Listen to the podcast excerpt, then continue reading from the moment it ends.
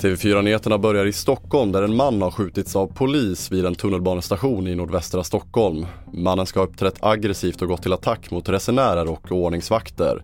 Den skottskadade mannen är vaken och talbar och har förts till sjukhus uppger polisen och en förundersökning gällande mordförsök, misshandel och våld mot tjänsteman är inledd.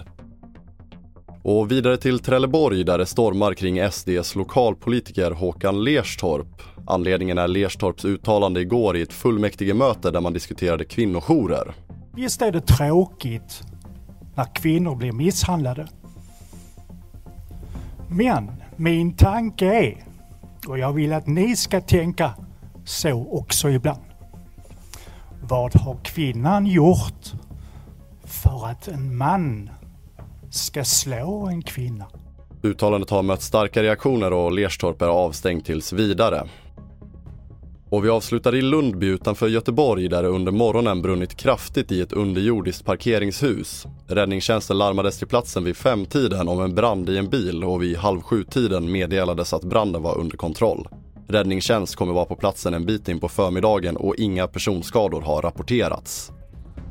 Fler nyheter hittar du på tv4.se. Jag heter André Metenen Persson.